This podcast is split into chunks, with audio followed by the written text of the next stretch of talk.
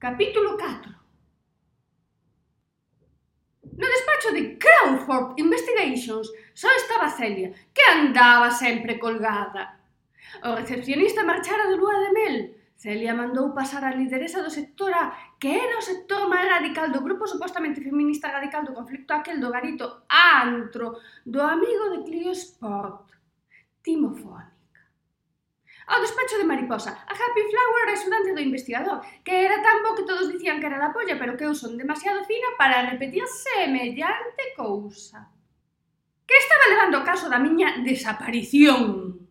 En realidade, non era o despacho de Mariposa, era o despacho de Crawford, que agora estaba na Riviera Francesa con alguén moi importante do que non se podía mencionar o nome raposa estaba no despacho con toda a documentación repasada e cas súas deduccións ben anotadas para contrastar as ca lideresa do sector A.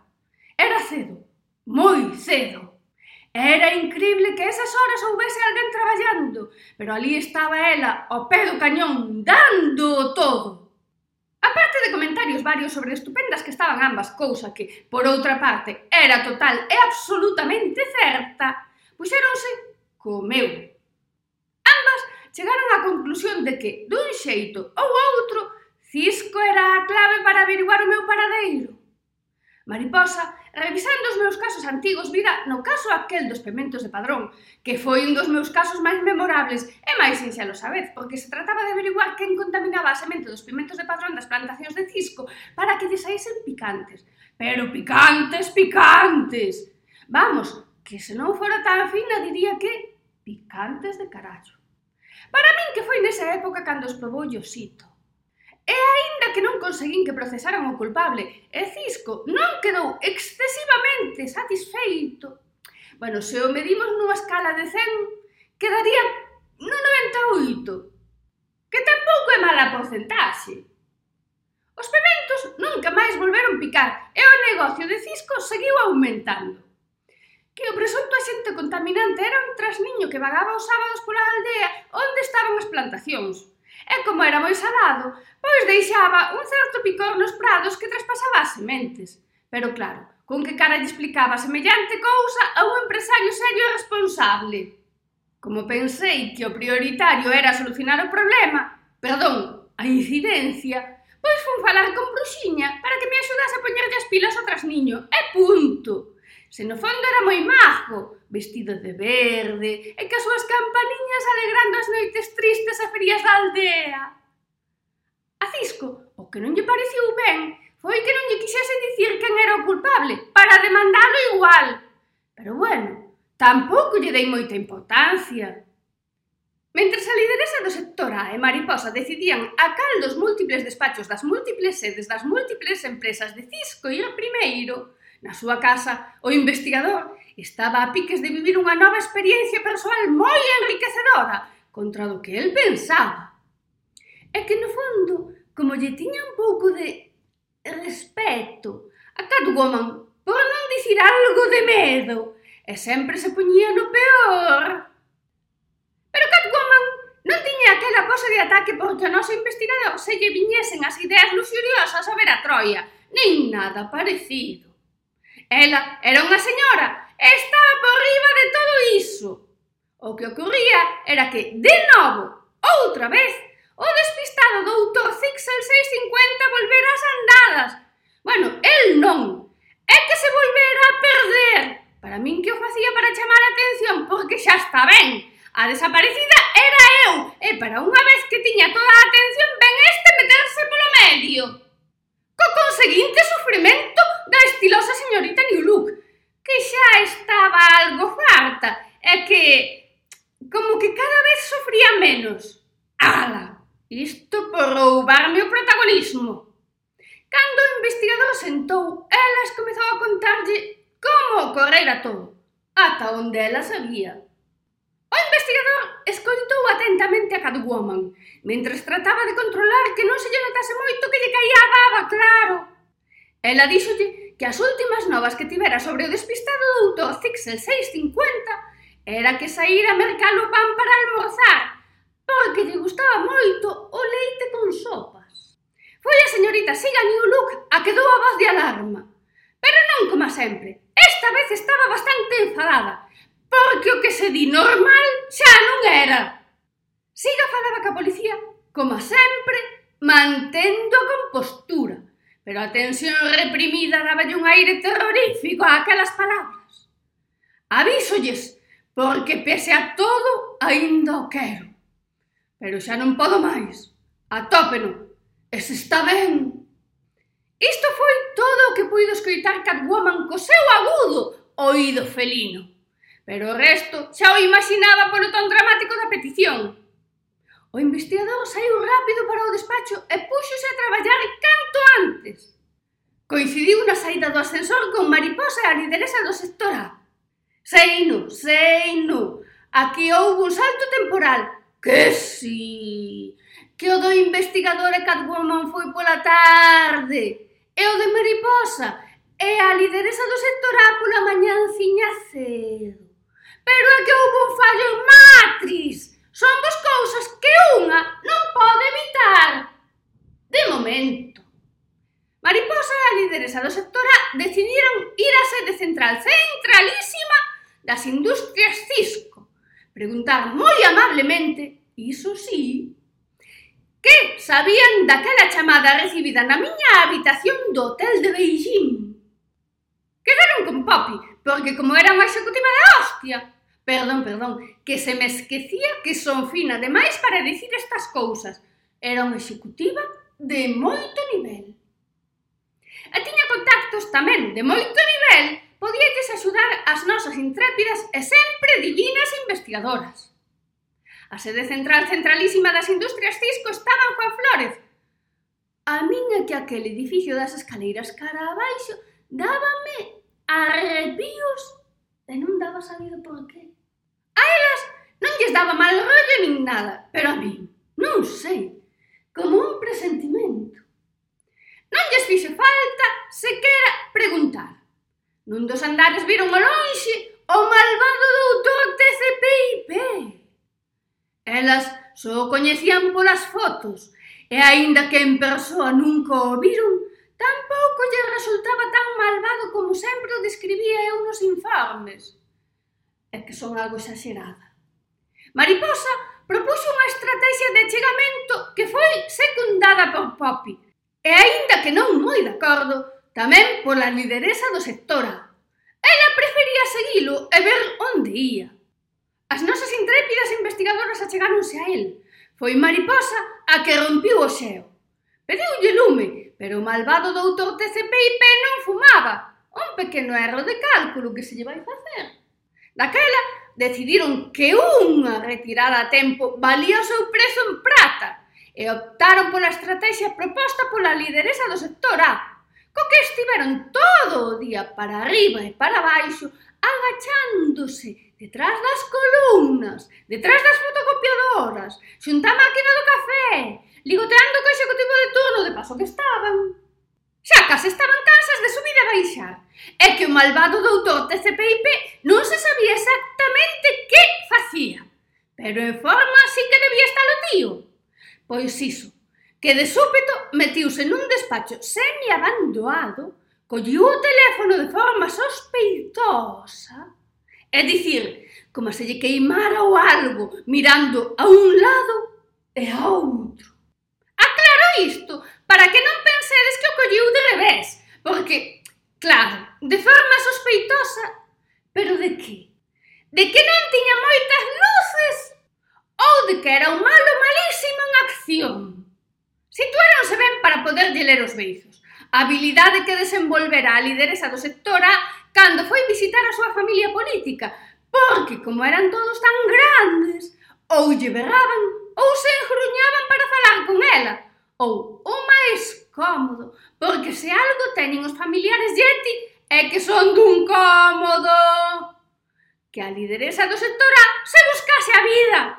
E así, ela mantiña as distancias para verlles a cara e adquiriu esta sempre útil habilidade. Quen sabe sabe é que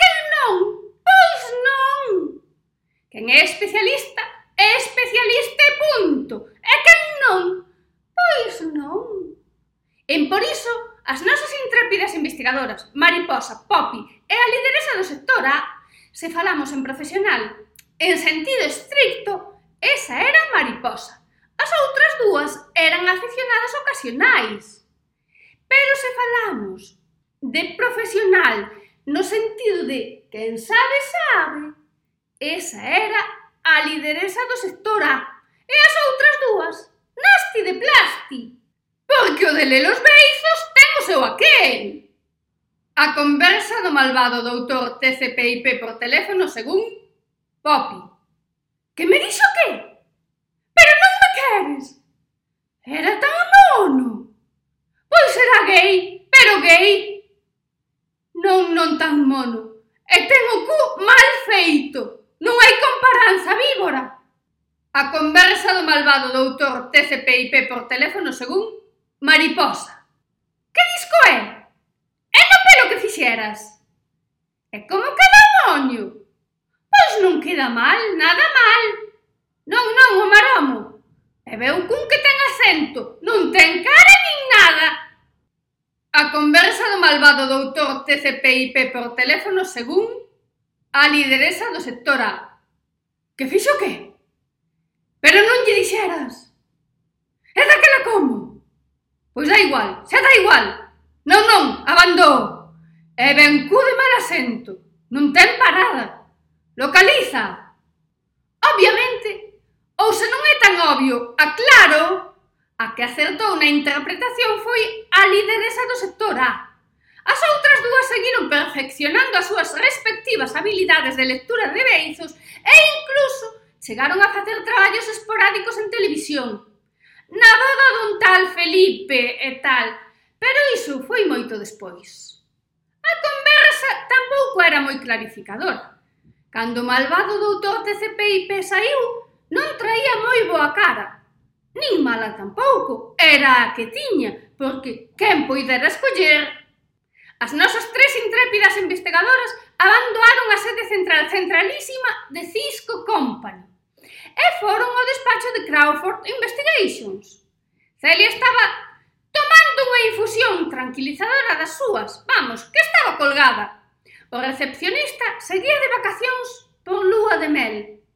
Elas entraron no despacho do investigador, que era tampouco que todos dicían que era la polla, pero eu son demasiado fina para repetir semellante cousa. O investigador estaba concentrado, mirando pola fiestra. En realidade, quedara un pouco alelado tra a visita de Catwoman a erupción das nosas tres heroínas devolviu no ao mundo real. Mariposa expúxolle os resultados da investigación e lonxe de parecerlle algo escasos atopou unos moi clarificadores. Non para o caso de Mariposa, senón para o del. Igual o cu de mal asento era o despistado doutor Zixel 650, que non tiña parada e que tiñen que andar sempre detrás del. O investigador puxo a funcionar as rodas do seu cerebro.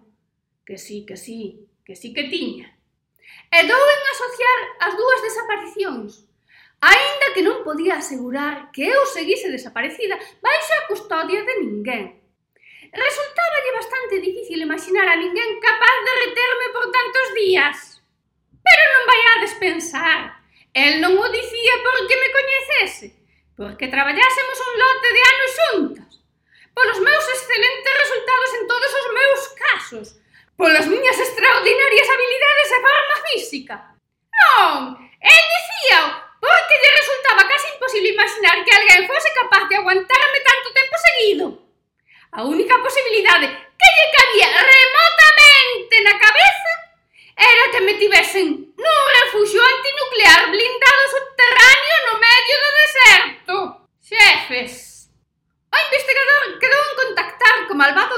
CPIP, porque despois daquel caso no que eu rescatar o despistado doutor Zixel 650 quedaran en contacto e incluso pasaran un día que outro a saudar o seu amigo como un timofónica. Uns dirían dúas maneiras de ser rico, eu diría que dúas maneiras de ser golfo, pero é que son moi fina. Mariposa e as súas compañeiras de investigación ocasionais foron ao despacho da primeira, que non era dela, que era de Crawford, que estaba alo pola Riviera Francesa con un individuo moi importante do que non se podía dicir o nome. E chamaron a señorita Newlook por se lles podía aportar algún dato máis. Cousa que estaban desexando porque tanto escoitaran falar do seu estilo, da súa clase, do seu todo que... A señorita Newlook entrou no despacho dando clases de elegancia, distinción e saber estar. Como ela doitaba, Celia, que estaba colgada, coma sempre, pero un pelín máis, porque acababa de cumplimentar a infusión tranquilizadora das dúas cunha infusión relaxante ás catro. E claro, díxolle que pasase ao despacho de mariposa. No despacho estaban tamén Poppy e a lideresa do sector A. Siga ni un look non as decepcionou en absoluto. Sentou, escoitou unas con atención e doulles toda a información que tiña. Díxolles que o día antes día normal, que non parecía alterado. Bueno, o despistado doutor Zixel 650 alterado nunca.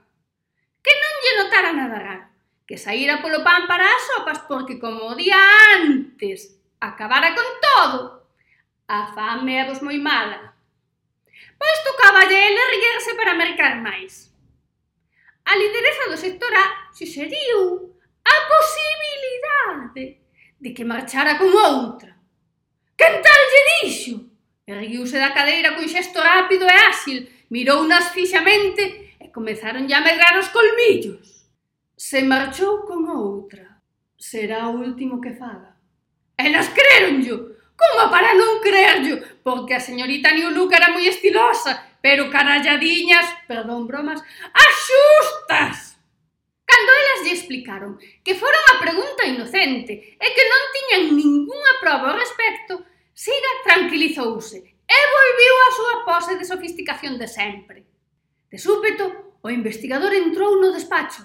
Acababa de recibir unha chamada de Catwoman.